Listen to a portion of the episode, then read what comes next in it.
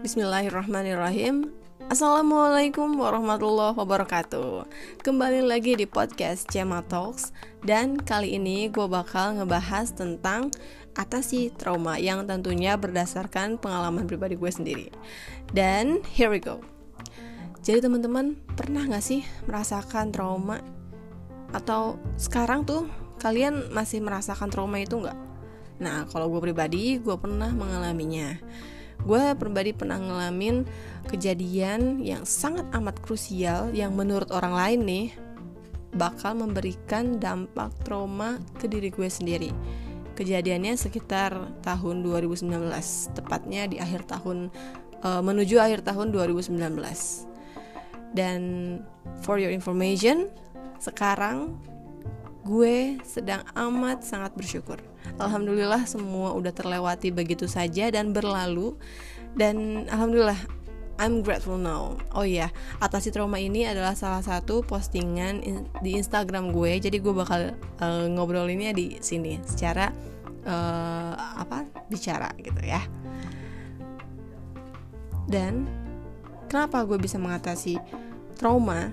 I mean gue bukan di sini gue bukan sombong tapi gue cuma mau berbagi bagaimana um, pengalaman gue saat menghadapi sebuah kejadian, sebuah peristiwa, sebuah masalah yang amat sangat krusial, sebuah kesulitan yang bener-bener di luar dugaan gue, dan itu gue hadapin. I mean, uh, gue memang bener-bener nggak punya prinsip ketakutan atas apa pun kecuali kepada Allah, seperti itu ya walaupun cuma sama kecoa doang gitu kan. Ya kecoa cuma takut ngejerit spontan. Tapi untuk ketakutan yang benar-benar takut itu seperti menghasilkan traumatik di dalam hidup alhamdulillah alhamdulillah alhamdulillah gue bukan tipikal orang yang kayak gitu.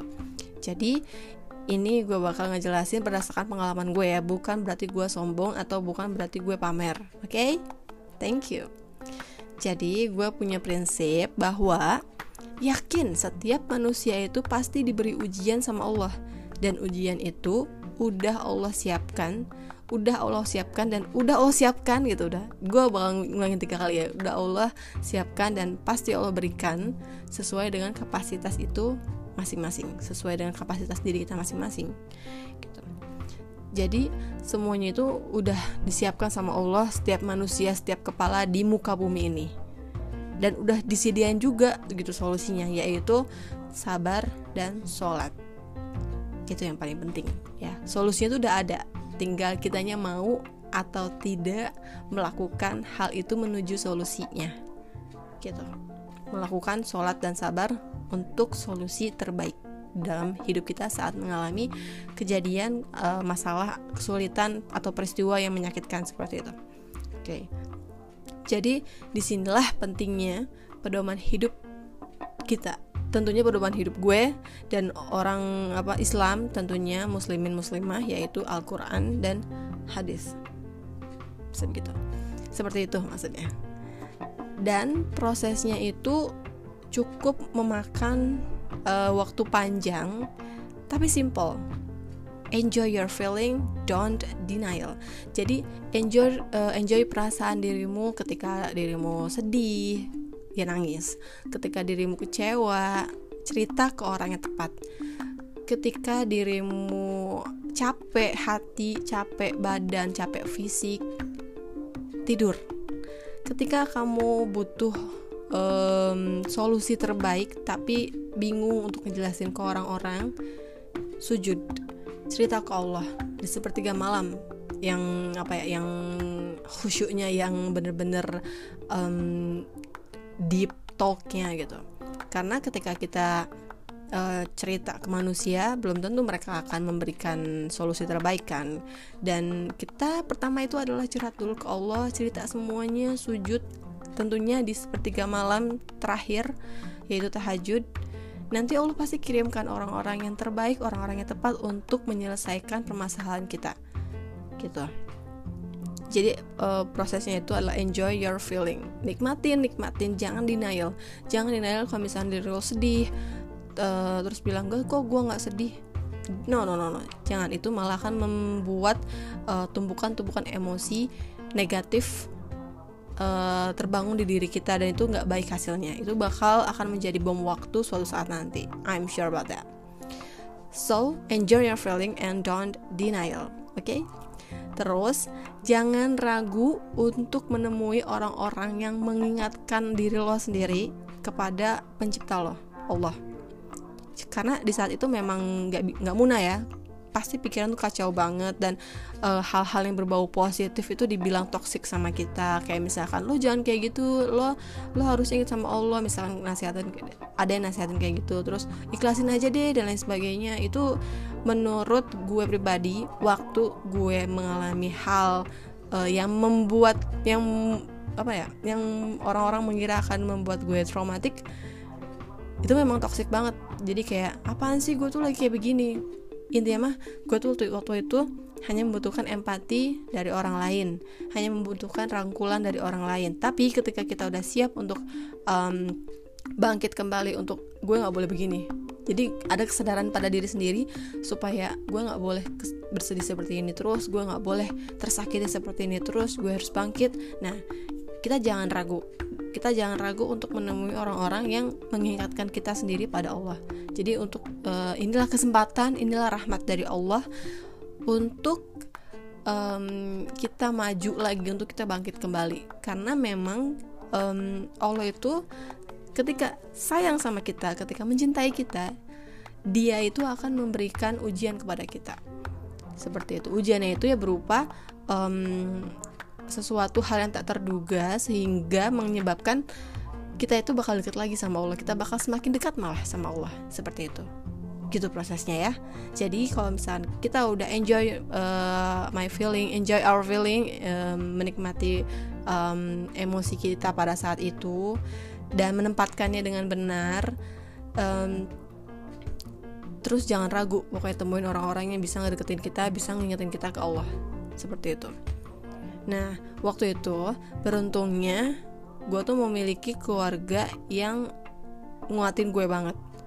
Nguatin gue dalam arti untuk terus yakin akan tetap, ketetapan takdir Allah.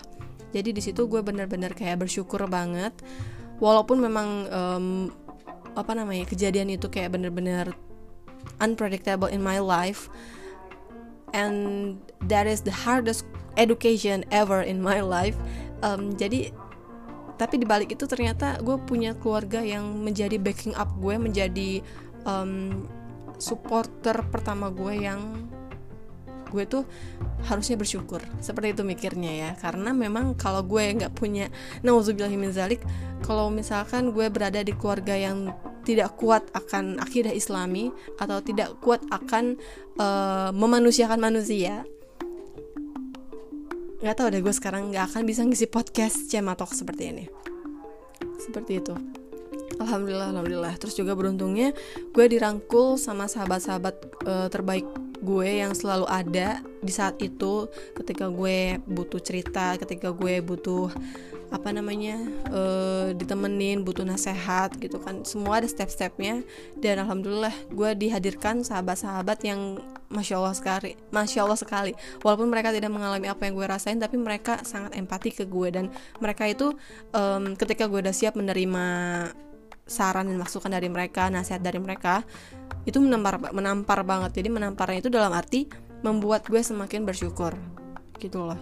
Alhamdulillah dan beruntungnya yang paling utama itu adalah beruntungnya gue punya Allah yang menciptakan gue, yang menciptakan seluruh alam di sini, menciptakan semesta ini, yang mengirimkan mereka semua, keluarga gue, sahabat-sahabat gue, lingkungan pertemanan gue, teman-teman kerja gue, yang itu tuh benar-benar membersamai gue. Maksudnya membersamai dalam arti mendukung dan alhamdulillahnya, alhamdulillahnya, alhamdulillah gue memang terba me, apa namanya? Gue memang uh, memiliki karakter yang apa ya you can if you you can if uh, sah we can if we try first. Jadi memang um, kalau kita nggak mau menghadapi sesuatu ya itu nggak akan bisa terus. Jadi memang prinsip gue adalah we can if we try first. I'm sorry. Jadi ya memang ketika aku bisa uh, ketika aku ingin bisa ya coba dulu belajar dulu hadapin dulu. Mau yang pasti berani untuk menghadapi. Seperti itu karakter gue alhamdulillah. Jadi um, alhamdulillahnya uh, gue punya karakter seperti itu. Jadi ya itu sebagai salah satu faktor internal gue su uh, supaya gue tuh nggak boleh sedih terus. Gue harus bangkit dan gue harus menunjukkan bahwa kebenaran itu memang kebenaran gitu. Kebenaran itu bukan pembenaran tapi kebenaran itu memang harus ditunjukkan maksudnya um, ketika ada kebatilan atau kesalahan di depan mata kita ya kita sudah atasi. Kita sudah berusaha untuk uh, ikhtiar untuk um, membenarkan.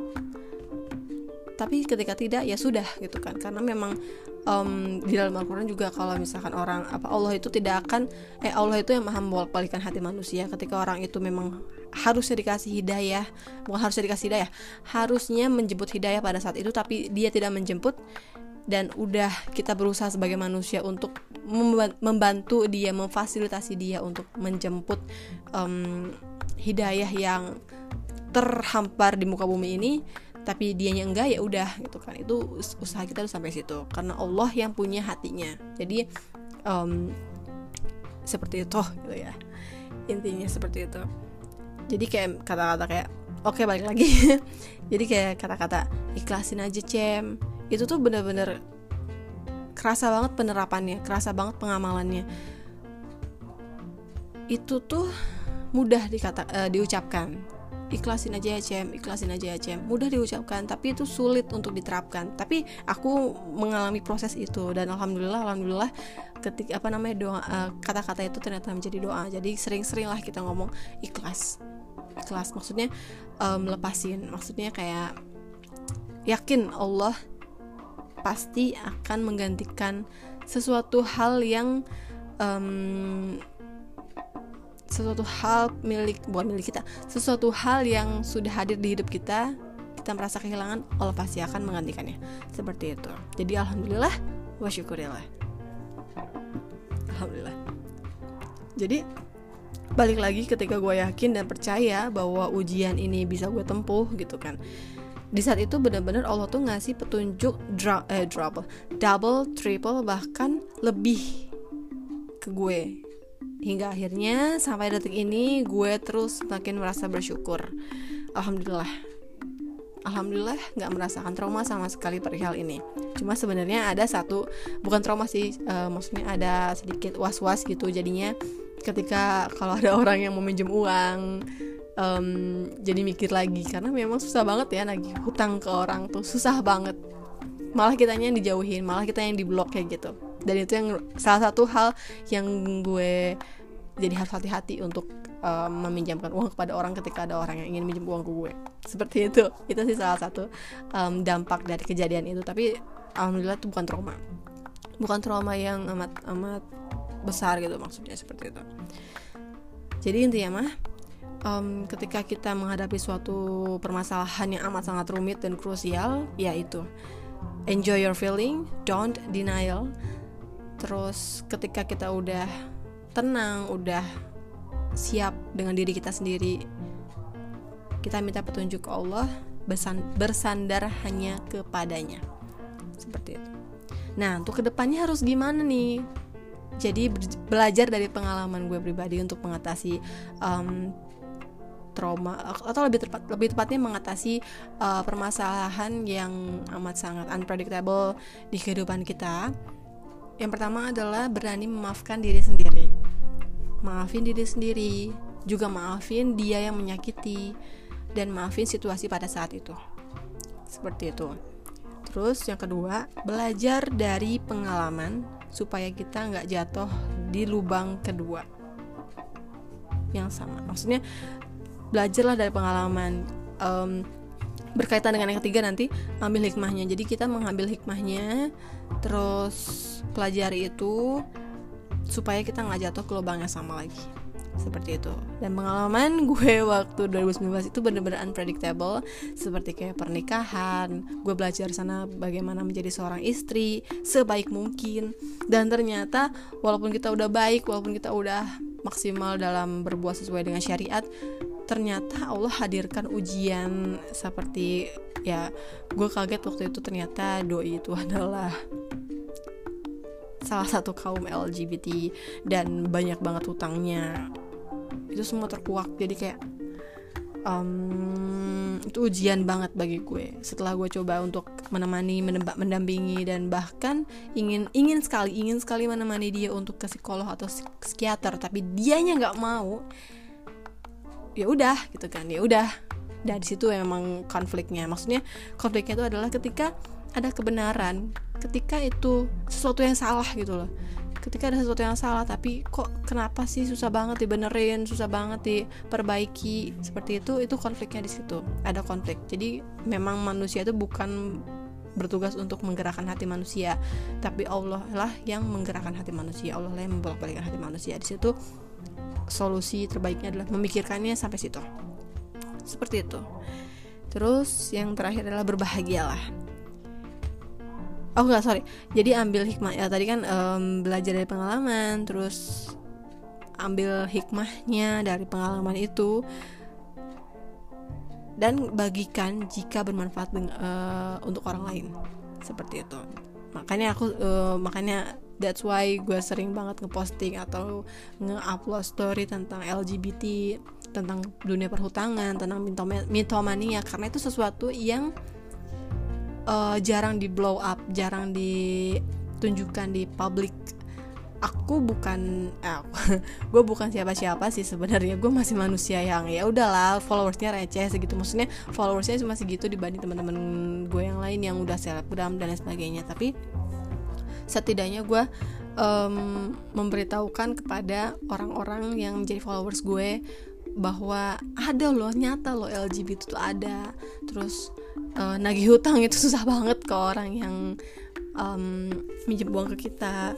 Dan mitomania itu ada real real gitu. Jadi gue ngasih tahu gue ngasih kebermanfaatan dari pengalaman menyakitkan gue yang um, bisa gue sharing ke teman-teman ke ke orang lain seperti itu. Dan salah satunya gue bentuk dalam kemasan rahasia Zafina di Wattpad. Seperti itu. Dan yang terakhir adalah berbahagialah. Karena ternyata di balik luka yang kita rasakan itu tuh Allah tuh mencintai kita. Pikirinnya ke situ aja berbahagialah. Justru itu peluang dan rah uh, peluang rahmat dari Allah supaya kita itu langsung keep on the track kita tuh lagi diuji gimana sih so kamu uh, katanya kamu uh, pintar katanya kamu cerdas katanya kamu solehah misalkan seperti itu. Saya uji nih. Saya uji apakah kamu benar seperti itu atau tidak. Jadi validasi dari um, penilaian-penilaian orang terhadap kita. Kalau memang benar berarti memang kita niatnya karena Allah bukan karena penilaian manusia. Tapi kalau misalnya memang kita ya makin menyimpang makin belok makin atau apa gitu makin banyak kebohongan-kebohongan yang kita buat berarti memang tujuan hidup kita bukan mencari ridho Allah. Menurutku sih seperti itu gitu. Jadi memang harus kita mengenal diri kita diri sendiri dulu seperti apa. Mengenal niat kita itu dalam menjalani segala aktivitas kita itu seperti apa. Seperti itu. Jadi yang terpenting adalah jagalah diri. Jagalah diri itu. Jagalah diri setelah kita itu e, dikasih peluang rahmat e, dari Allah. Agar kita bisa terus istiqomah berjalan di jalan kebahagiaan ini seperti itu. Dan yakin harus kembali terus yakin yakin yakin yakin bahwa Allah itu sedang bekerja dengan caranya untuk menyembuhkan luka kita. Yakin percaya sabar dan sholat. Itu yang paling penting. Dan mungkin caranya ntar nanti uh, misalkan kejadian gue itu adalah kan divorce dan um, mungkin dengan cara dihadirkan dan dipersatukannya kita eh sah mungkin dengan ketika kita berjalan di uh, di right straight maksudnya right straight aduh sorry mungkin ketika kita sudah berusaha untuk terus berjalan di kebenaran di atas jalan kebahagiaan yang tentunya mencari ridho Allah nanti di sana mungkin akan dihadirkan orang-orang atau mungkin orang spesial yang akan hadir di kehidupan kita lalu kita dipersatukan uh, di, dipersatukan dengannya yang memang udah sefrekuensi dengan kita dan kita sama-sama bahagia untuk mencari ridho Allah. Seperti itu. Insya Allah amin. Ya Allah ya rabbal alamin seperti itu cara mengatasi trauma yang lebih tepatnya cara mengatasi permasalahan um, peristiwa kejadian kesulitan yang amat sangat krusial yang benar-benar unpredictable di kehidupan kita semoga bermanfaat dan semoga memotivasi kalian semua terima kasih Assalamualaikum warahmatullahi wabarakatuh. Jangan lupa terus pantau terus di podcast Cema Talks.